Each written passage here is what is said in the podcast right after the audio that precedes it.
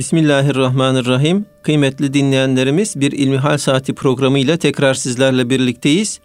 Yüce Rabbimizin selamı, rahmeti ve bereketi üzerimize olsun efendim. Sizlerden bize gelen ilmihal sorularını değerli hocamız Doktor Ahmet Hamdi Yıldırım cevaplandırıyor. Muhterem hocam ilk sorumuz istibra ile ilgili. Dinleyicimiz şöyle bize yazmış. Diyor ki selamünaleyküm muhterem hocam.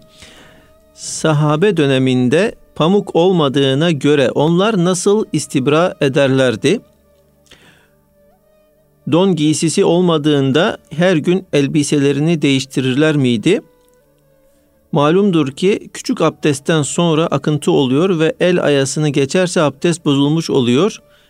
Bir de sahabelerin hepsi namaz kılıyorlar mıydı diye soruyor.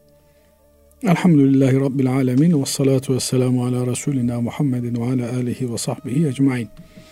Şimdi önce son şıktan başlayalım isterseniz. Sahabe-i kiram efendilerimiz namaz kılarlar mıydı? Elbette namaz kılarlardı.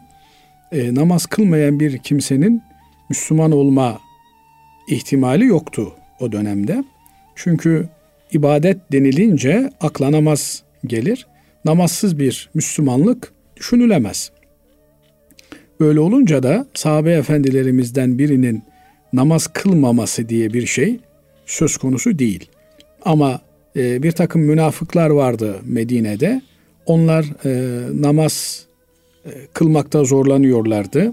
Sabah ve e, yatsı namazlarına camiye gitmeye, Efendimiz Aleyhisselatü Vesselam'ın arkasına cemaat olmaya tahammül edemiyorlardı. Ayetler e, onların namazlarından bahsediyor. Onlar namaza vuhum küsala tembel tembel kalkarlardı deniyor. Fakat bunlar yani münafıklar sahabe denilmeyecek insanlar. Yani zahiren Hazreti Peygamber Efendimizin yanında görünüyorlar ise de onlar Efendimizin sahabesi sayılmazlar. Ee, diğer taraftan yine Maun suresine baktığımızda bir takım kimselerin gösteriş için namaz kıldıklarını orada görüyoruz. Bunlar münafıklar olarak tanımlanan kimselerdir. Ama Müslüman olan, samimi bir mümin olan, Efendimiz Aleyhisselatü Vesselam'ın ashabı olan o mübarek neslin içerisinde bir kimsenin namaz kılmadığını düşünmek mümkün değil. E, çünkü namaz dinin direği olmazsa olmazı. Sahabe-i kiram efendilerimizin hepsi namazlarını Efendimiz Aleyhisselatü Vesselam'ın arkasında kılmaya gayret eden, e, Efendimiz Aleyhisselatü Vesselam'ın hayırlı olduklarına tanıklıkta bulunduğu, şehadet getirdiği ilk nesildir. Dolayısıyla onların içerisinde namaz kılmama diye bir şey söz konusu olmaz. Olabilir hanımlar bazen e, namaz kılmazlar. E, kılmaları doğru değildir. E, şuurunu kaybetmiş, komada olan, hasta olan kimselerin şuursuz olduklarından dolayı namazlarını kılmamaları düşünülebilir. Ama onun haricinde sahabe-i kiram efendilerimizle namazsızlığı yan yana getirmek mümkün değil. Onlar e, namazda dünyadan kopup Allah'a, ahirete e, kavuşabilen, namazı bu şuurda kılabilen insanlardır. Yine değerli kardeşimizin sorusunda bir takım e, farklı anlaşılabilecek ifadeler var. Sahabe efendilerimiz zamanında efendim pamuk var mıydı? Vardı. Keten var mıydı? Vardı. E, çünkü nihayetinde e, pamuk bir bitkiden elde ediliyor. Pamuk yoksa onun benzeri kumaşlar vardı. Efendim biliyorsunuz Kureyş ticaretiyle meşhur bir kabiledir. Diğer kabileler efendim eşkıyalık yapmakla vesaireyle filan nam salmışlardır ama Kureyş ticaretle meşguldür. Kureyş suresi de bunu onlara hatırlatır. Yani siz yazları ve kışları senede iki defa farklı yönlere kervanlar, kafileler gönderiyordunuz ve oralarla ticaret yapıyordunuz. İşte Şam'la ticaret yapılıyor. Bir de Yemen'le ticaret yapılıyor. Ee, yazın Şam'la, kışın Yemen'le ticaret yapılıyor. Ve rehlete şita'i ve sayf diyor Kur'an-ı Kerim. Yani yaz ve kış yolculuğu yapıyorsunuz, ticaret kervanları. Bunlar önemli şeyler ve buralardan e, o zamanın e, ürünleriyle kumaşlar geliyor. Değerli kumaşlar geliyor. İpek kumaşlar geliyor. Efendim atlas kumaşlar geliyor. Pamuk kumaşlar, keten kumaşlar, yün kumaşlar geliyor. Yün kumaşı kendileri de üretebiliyorlar. Nihayetinde işte e, koyun tüyünden, yününden, efendim keçi kılından e, kumaşlar e, kendileri de imal edebiliyorlardı. Ama özellikle sanat gerektiren şeyler işte Şam'da Bizans İmparatorluğu, Roma İmparatorluğu hakimdi. E, Yemen'de yine e, bir medeniyet söz konusuydu ve oradan ciddi anlamda e, ürünler geliyordu, alet edevat e, getiriliyordu. Dolayısıyla o dönem için e, evet bir takım şeyler kıttı, azdı ama yok demek değildi. Diğer taraftan kardeşimiz istibra kelimesini yanlış anlamış herhalde. Ee, onun e, söylemeye çalıştığı e, istibra pamukla yapılan bir istibra olarak karşımıza çıkıyor. İstibra e, beraet talep etmek demek. Yani e, özellikle de küçük abdest bozulduğunda e, sızıntının devam etmesi ihtimaline binaen sızıntıyı tamamen kesmek anlamına geliyor. Bunun da e, yolu efendim abdestimizi bozduğumuzda hemen olduğumuz yerden kalkmamak, bir müddet beklemek. Böylelikle e, sızıntıyı e, sonlandırabilecek kadar e, bir vakit geçirmek veya efendim işte e, oraya bir bez parçası efendim e, ne bileyim bir peçete, bir tuvalet kağıdı vesaire e, koyup bir müddet sonra abdest almak anlamına geliyor. E şimdi e, tabi imkanlar çoğaldı. Bugünün imkanları o dönemde yoktu. O dönemde abdest almakta, abdest bozmakta sıkıntılı bir durumdu. Ama buna rağmen sahabe-i kiram efendilerimizin abdestlerine, namazlarına dikkat ettiklerini biliyoruz. Bir de tabi e, her gelen kolaylıkla beraber gelen bir takım problemler de var. Mesela işte çağımızın en e, önemli hastalıklarından bir tanesi aşırı kilo alma hastalığı, şişmanlık hastalığı. O dönemde insanlar yiyecek yemek bulmakta zorlanıyorlardı. Binaenaleyh bu kadar aşırı kilo ve bu kiloların meydana getirmiş olduğu problemlerle karşı karşıya değillerdi. Yine e, mesela bizim bu e, bir takım şeyleri, şekerli şeyleri çok fazla tüketmemiz sebebiyle e, meydana gelen arızalarımız, prostattı vesaireydi bir takım sorunlarımız o dönemde bu kadar muhtemelen değildi.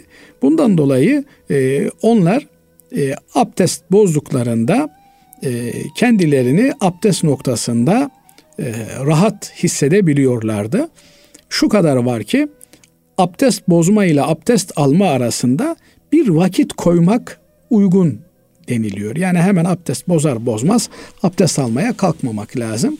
Bu arada tabi çamaşıra bir şey bulaştığında, çamaşırımıza bir şey bulaşırsa e, bunu yıkamak lazım. Ama bilmediğimiz bir şey olursa o zaman e, 1 lira şimdi 1 lira maden e, para kadar bir şey ise bu affedilen miktar olabilir. Fakat ondan daha fazla ise o zaman e, o namazın iade edilmesi lazım gelir. Yani bu abdesti bozmuyor aslında namaz için Tabii, gerekli namaz olan bir şart. gerekli olan şartlardan bir tanesi de necasetten taharet olduğu için yani e, namaz kılacağımız yerin üzerimizdeki elbisenin vücudumuzun temiz olması gerekiyor. Eğer idrar kaçmışsa işte e, çamaşırımıza o zaman bu necasetten taharet şartı e, yerine gelmemiş anlamına geliyor. Binaenaleyh burada dikkat edilmesi gerekiyor. Yani hocam burada aslında e, yani idrar çok az bir şey abdest aldıktan sonra idrar çıkarsa çok az bir şey de olsa o abdesti bozuyor. Abdesti bozuyor tabii. Evet. Onda hiç şüphe yok. Fakat çok az bir şey çamaşıra denk geldi. Evet. Yani siz şimdi saat e, 10'da diyelim ki abdest bozdunuz. Ve on buçukta abdest aldınız diyelim. Yani arada yarım saat ki haydi haydi yani bu kadar e, uzun bir süreye de gerek yok. Ama yarım saat e, kaldı. Bu durumda sizin abdestinizde bir problem olmaz. Ama çamaşırınıza e, damlayan bir damla varsa o zaman çamaşırınızla ilgili temizlik noktasında bir probleminiz olabilir. Bugün e, birçok tedbirler bununla ilgili söz konusu. Fakat yeri gelmişken söylemekte de fayda var. Şimdi kardeşimiz pamuk dedi. E, bu pamuğu kullanmak yani idrar deliğine pamuk tıkamak çok ciddi sağlık problemlerini beraberinde getirir. Bunu yapmamak lazım. Bundan kaçınmak lazım. Onun yerine efendim bir e, bugün e, hijyenik e, malzemeler var eczanelerde. E, istibra torbası denildiğinde alınabilecek hijyenik malzemeler var. Veya onları bulamıyorsa bir peçete, bir bez vesaire filan bir müddet bulundurup ondan sonra onu kaldırıp namaza öyle durabilir bir insan. Hasılı kelam bu temizlik meselesi önemli, taharet meselesi önemli. Bazı kardeşlerim işte namazdan tad alamıyorum, namazdan lezzet alamıyorum, namaz bana huşu vermiyor diyor. Bunun sebeplerinden bir tanesi de taharetin, istibranın düzgün yapılmamasıdır. Dolayısıyla istibraya dikkat etmek lazım. Özellikle de yaşlılık sürecinde bu devreye giriyor. E, bunu vesvese haline de getirmemek lazım. Yani genç bir adam, efendim Osmanlı e, camilerine baktığımızda bunun e, estetiğini orada görüyoruz. Mesela e, tuvaleti camiye neredeyse bir kilometre uzakta bir yere yapmışlar. Şimdi mesela Fatih Camii'ne gidiyorsunuz. E, tuvaletlerle abdest alma yeri arasında bir 400-500 adım atmanız gerekiyor. Böylelikle de tabii bir istibra süreci oluşmuş oluyor.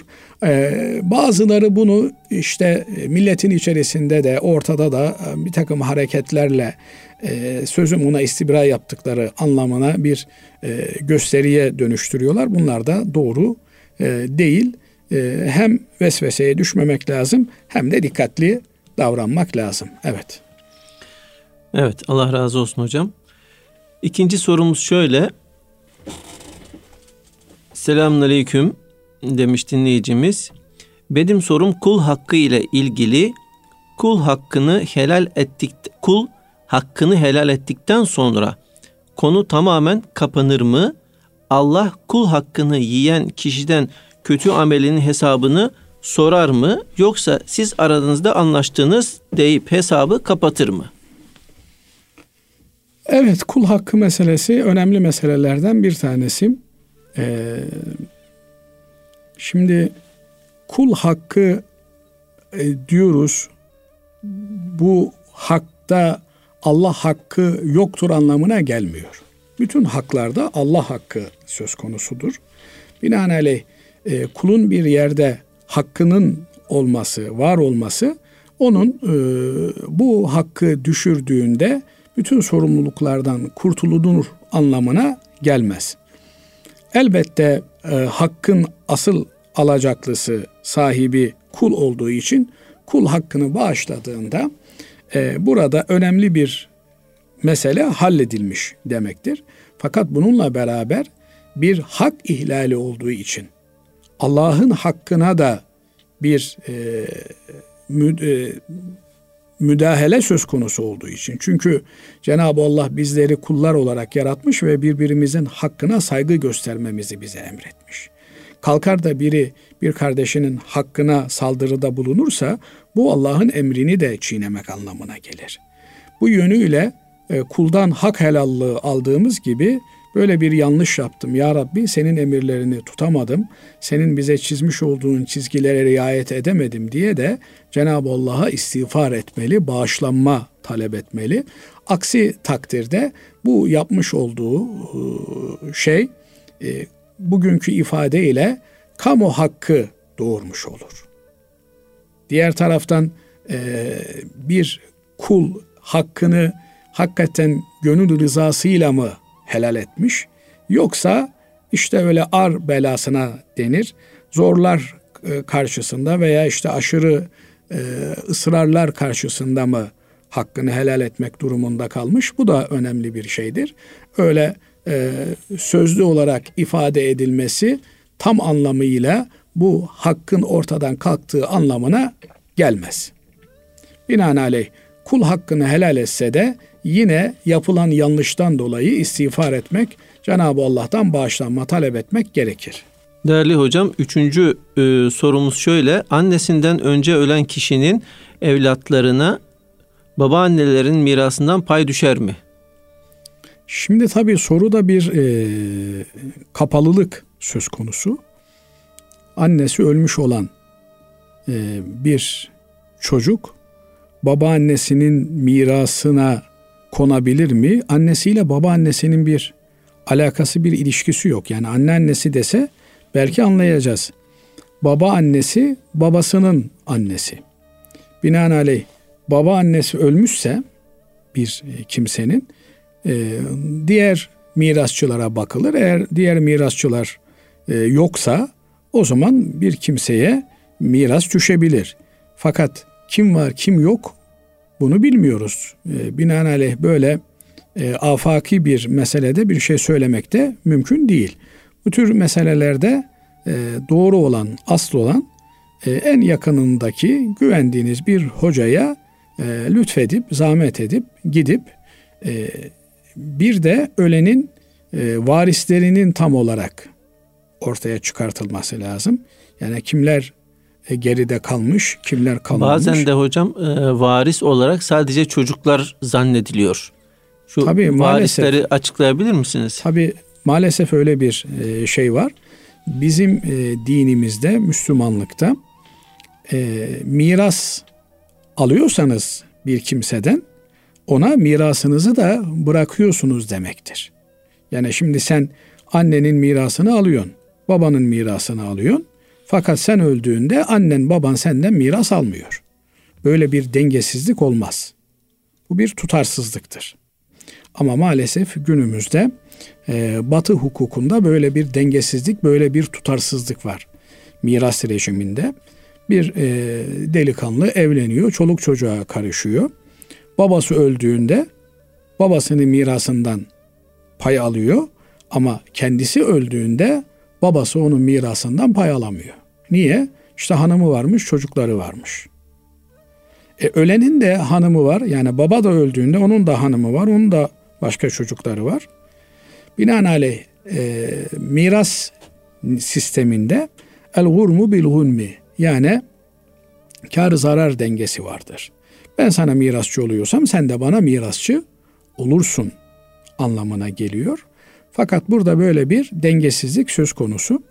Bu yönüyle de birçok kimsenin mağdur mağdur olduğunu görüyoruz. Yani şimdi adamcağız e, çocuğu var. Çocuğunu evlendiriyor. Elinde avucunda ne var ne yok hepsini harcıyor. Belki çocuğunun borçlarını da kendi üzerine alıyor. Yani mobilyasıydı, beyaz eşyasıydı, şuydu, buydu, dükkan açıyor. Borçlanıyor. Ondan sonra e, gelin hanım bir çocuk yapıyorlar. Adamcağız ölüyor. Yani delikanlı ölüyor. Bütün miras e, hanımıyla çocuğuna kalıyor. E borçlar, borçlar dedeye kalıyor. Yani böyle bir e, dengesizlik söz konusu.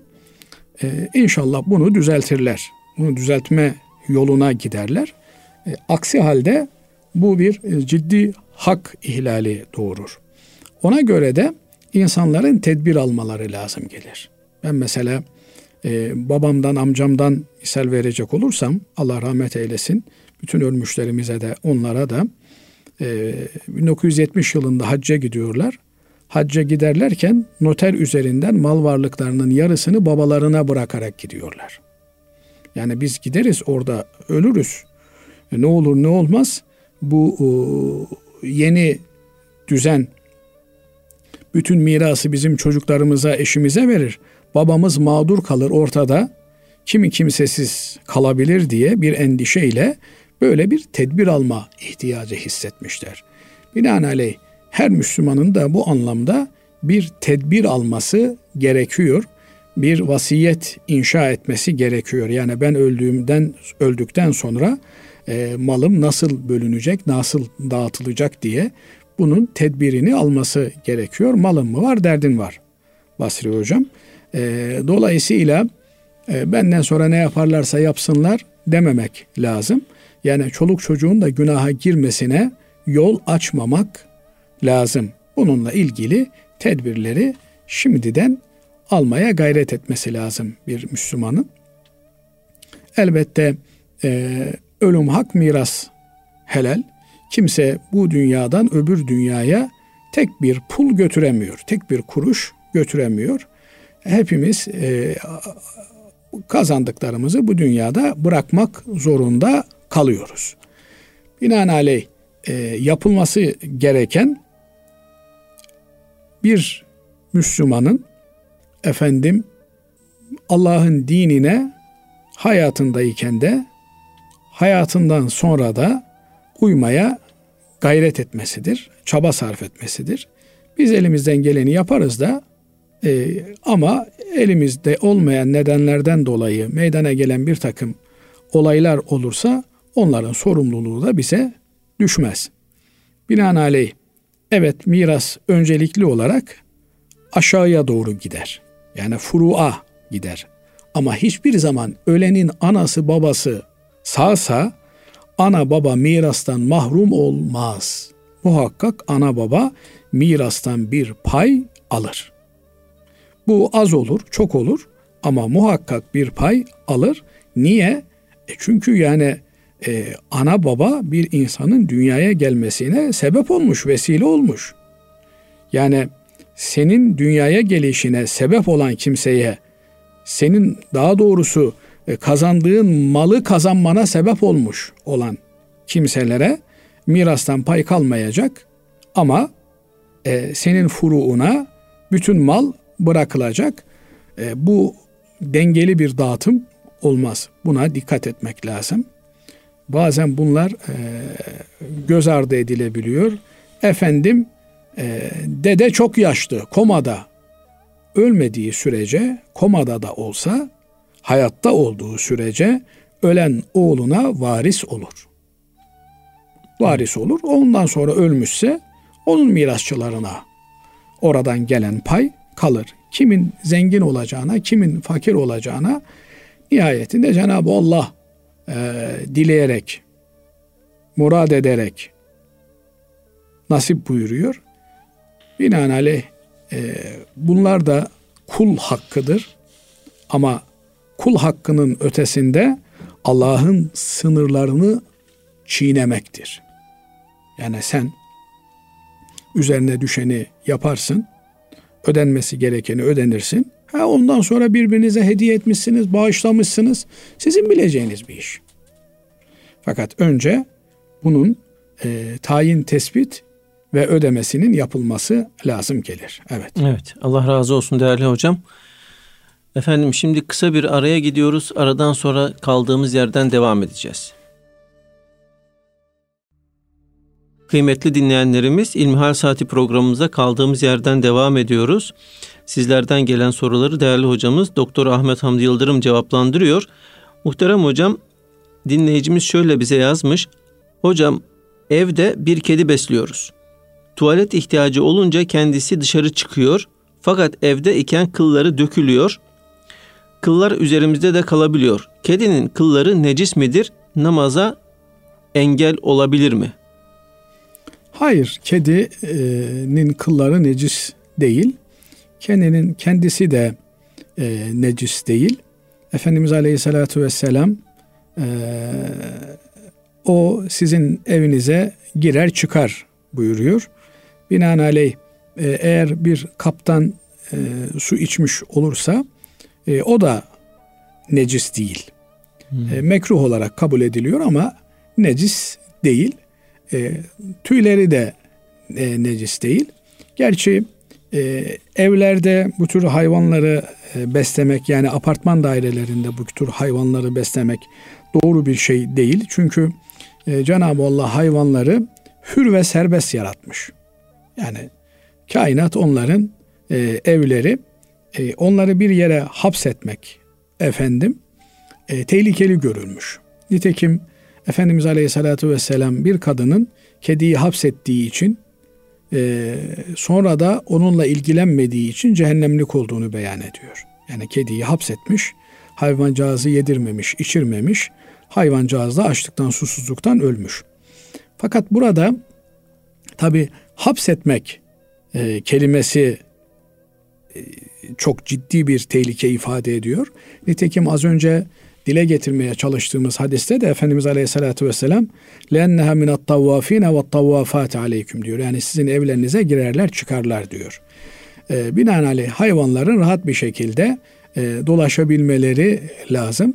E, onları bir yerde hapsetmek, e, efendim tabiri caizse e, giriş çıkışlarını kontrol altına e, almak suretiyle zapturapt etmek doğru değil. Ha, bir insan bahçeli bir evi vardır. E, sünnettir kediyle ilgilenmek, kediyi sevmek.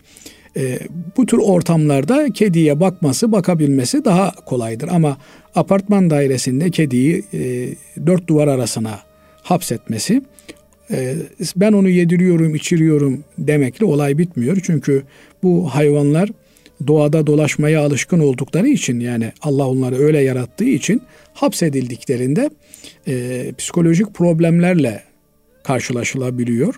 Bu yönüyle de hayvanlara eziyet edilmiş oluyor.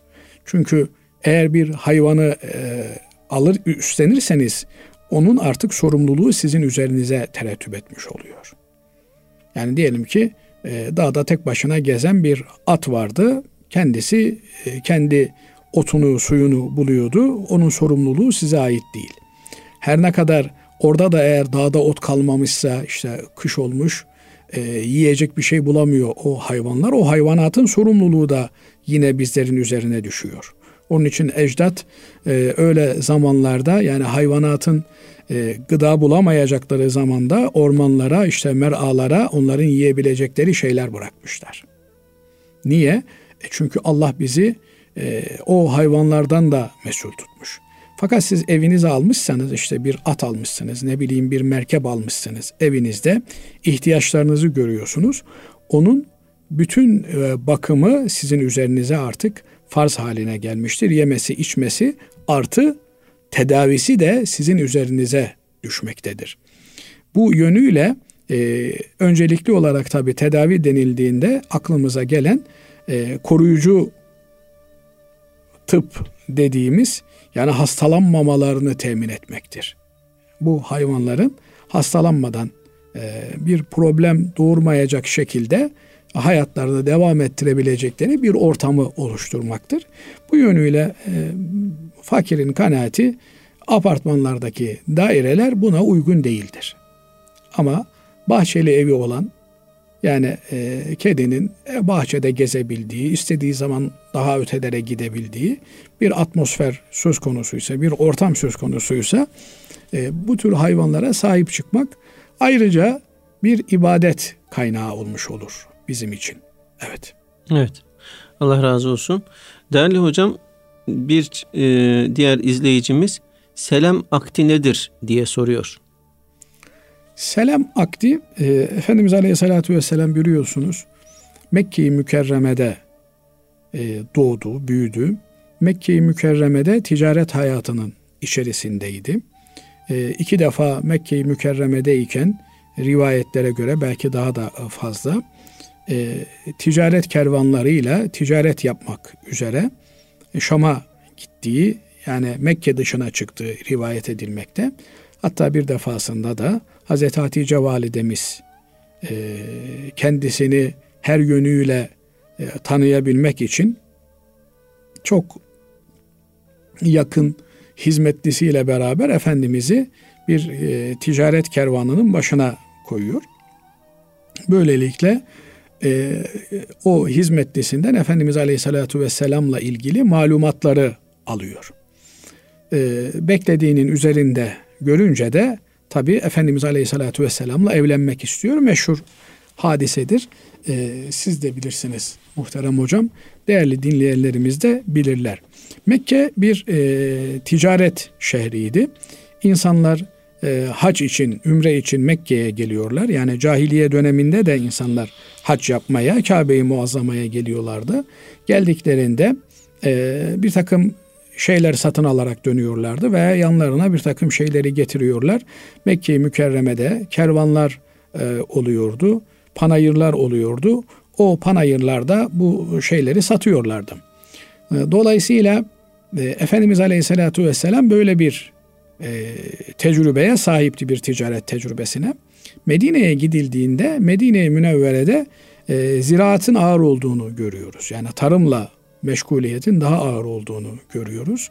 Mekke'dekiler tarım arazisi olmadığı için dağlık bir arazi olduğu için fazla bir imkan yok tarımla ilgili. Nitekim e, İbrahim Aleyhisselam da gayra zi zer'in diyor. Yani tarımı olmayan bir yere e, ben getirdim çoluğumu çocuğumu senin emrinle yerleştirdim ya Rabbi diyor. Sen onlara dünyanın her tarafından artık rızıklar, meyveler, bitkiler, nebatat gönder diyor. Binaenaleyh Mekke e, bir ticari hayatın egemen olduğu bir şehir. Medine'de ise tarım söz konusu. E, fakat mahsul tabi yılın belli zamanlarında alınıyor. O zamanın dışında ziraatle meşgul olanlar efendim e, ihtiyaçlarını gidermek için borçlanmak durumunda kalıyorlar. E, borçlanmak da pek sevimli bir şey değil. Onun için e, o dönemde selem denilen bir akit yaptıklarını görüyor Efendimiz Aleyhisselatü Vesselam. Selem nedir? Normal alışverişin e, tamamen tersi bir e, işlemdir. Yani normal alışverişte parayı verirsin, malı vadeli de e, ma, e, malı alırsın, para ikinci unsurdur. E, peşin de verebilirsin, vadeli de olabilir. Yani diyelim ki işte elmayı aldın, elmaya ihtiyacın var, elmayı aldın. Parasını ya hemen verirsin veya dersin ki işte yaz deftere maaş alınca ödeyeceğim dersin. Borcun olmuş olur. Ama e, Selem'de parasını veriyorsun, malı bir ay sonra, iki ay sonra, üç ay sonra alıyorsun. Dolayısıyla e, Selem'e e, müflislerin ticareti de denir. Yani sermayesi olmayanların da ticareti denir. Çünkü adamın elinde elma yok ama elma satıyor. Armut yok, armut satıyor. Buğday yok, buğday satıyor.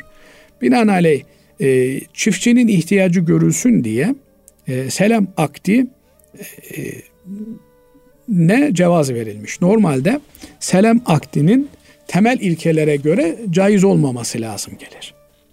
Niye? Çünkü Hz. Peygamber Efendimiz e, elde mevcut olmayan şeyin satışını yasaklıyor.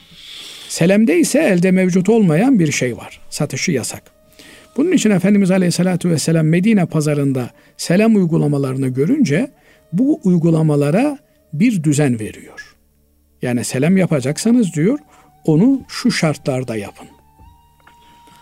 Ve bir standart getiriyor selam akdi ile ilgili. Bu standartlar çevresi çerçevesinde yapıldığında selam akdi geçerli bir akit olarak e, hükmünü icra ediyor. Nedir o?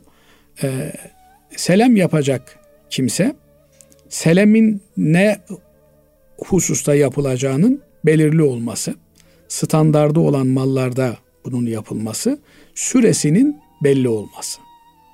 Yani diyelim ki iki ay sonra teslim edilecek. İki ton buğday teslim edilecek. Buğdayın türü önemli. Efendim şu tür buğday teslim edilecek. Türünden e, bir takım şartlar çerçevesinde yapılmasına Efendimiz Aleyhisselatü Vesselam cevaz veriyor, olur veriyor. Ve o gün bugün de bu e, selam akdi uygulanmaktadır. Bugün e, farklı varyantlarıyla uygulanmaktadır. Fakat tabi selam aktinde e, bir tehlikeli olan durum bunun faize bir kapı olarak kullanılıp kullanılamaması meselesidir. O noktada da e, dikkat edilmesi gerekiyor. E, selam akdinin piyasa şartları içerisinde uygulanması gerekiyor. E, selam akdi buğdaydır, arpadır ve benzeri e, alınıp satılan mallar üzerinden, misli mallar üzerinden cereyan eder.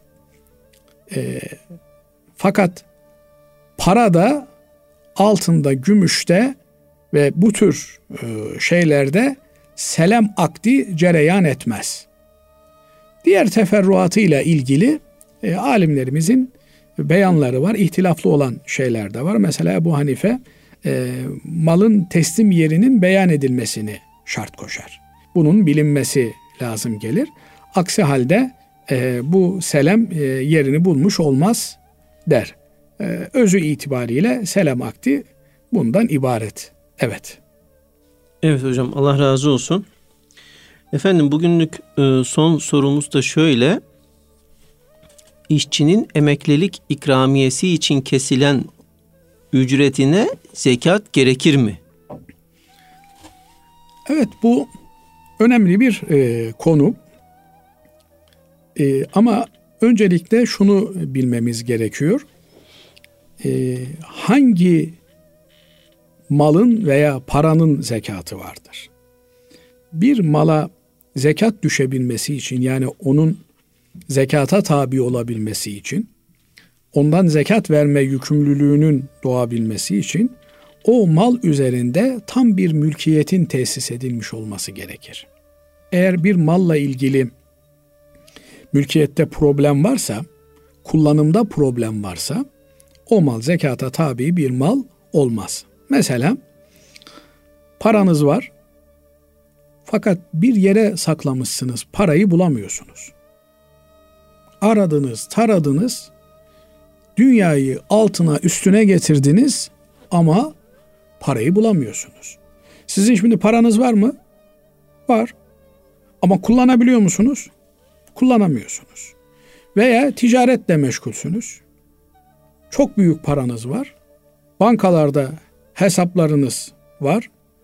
Fakat bir meseleden dolayı davalık olmuşsunuz ve mal varlığınıza tedbir kararı alınmış. Yani mal varlığınızı kullanamıyorsunuz. Bir ekmeğe muhtaç hale gelmişsiniz. Para var mı? Var. Zengin misiniz? Zenginsiniz. Ama e, mallarınızı kullanamıyorsunuz. Veya bir arsanız var. Satılığa çıkartmışsınız. Derken bir e, istimlak kararı çıkmış. Mahkemelik olmuşsunuz. Kamuoyuyla. E, ne alabiliyorsunuz ne satabiliyorsunuz. Yani malınız var. Fakat mal üzerinde mülkiyetiniz, tasarruf hakkınız kısıtlanmış. Böyle bir durumda da bu mallarla ilgili zekat mükellefi olmazsınız. Yani zekat mükellefi olduğumuz mallar rahatlıkla alabildiğimiz, satabildiğimiz, tasarrufta bulunabildiğimiz mallardır. Tasarrufta bulunamadığımız mallar bizim tam mülkiyetimizde demek sayılmıyor. Şimdi böyle olunca ben bir yerde çalışıyorum. Her ay benim maaşımdan bir miktar kesiliyor. Bu kesilen miktar daha sonra ben emekli olduğumda emeklilik ikramiyesi diye bana verilecek. Ama bunu bana bugün veriyorlar mı? Vermiyorlar. Vermedikleri için benim bunun üzerinde bir tasarruf inşa etmem, oluşturmam mümkün değil.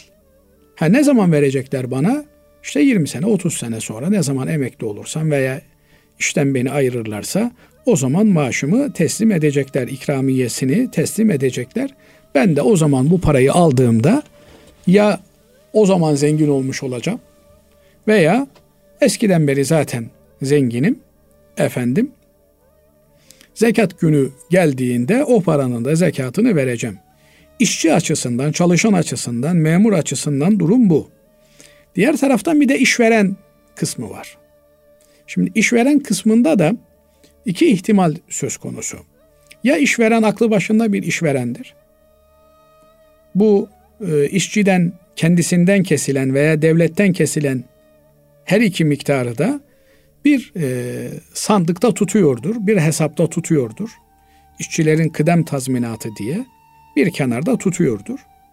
Böylelikle e, herhangi bir işçinin emekliliği geldiğinde veya herhangi bir işçiyi ayırmak durumunda kaldığında veya Allah göstermesin iflas gibi bir durum söz konusu olduğunda tabi işverenlerin en büyük tehlikesi yani yanında insan çalıştıranların en büyük kaygısı endişesi yani dükkanı kilitledim demek de iş bitmiyor. Şalteri indirdim artık fabrika çalışmıyor demek de iş bitmiyor. O güne kadar sizin yanınızda çalışan insanların e, ayrılmaları söz konusu. Yani işten çıkartılmaları, işten çıkartılırken de kıdem tazminatlarının ödenmesi lazım. E zaten adam iflas etmiş. Dolayısıyla nereden kıdem tazminatını ödeyecek? Onun için işte bir takım çalışmalar yapılıyor. Kıdem tazminatı ayrı bir hesapta toplansın vesaire filan diye.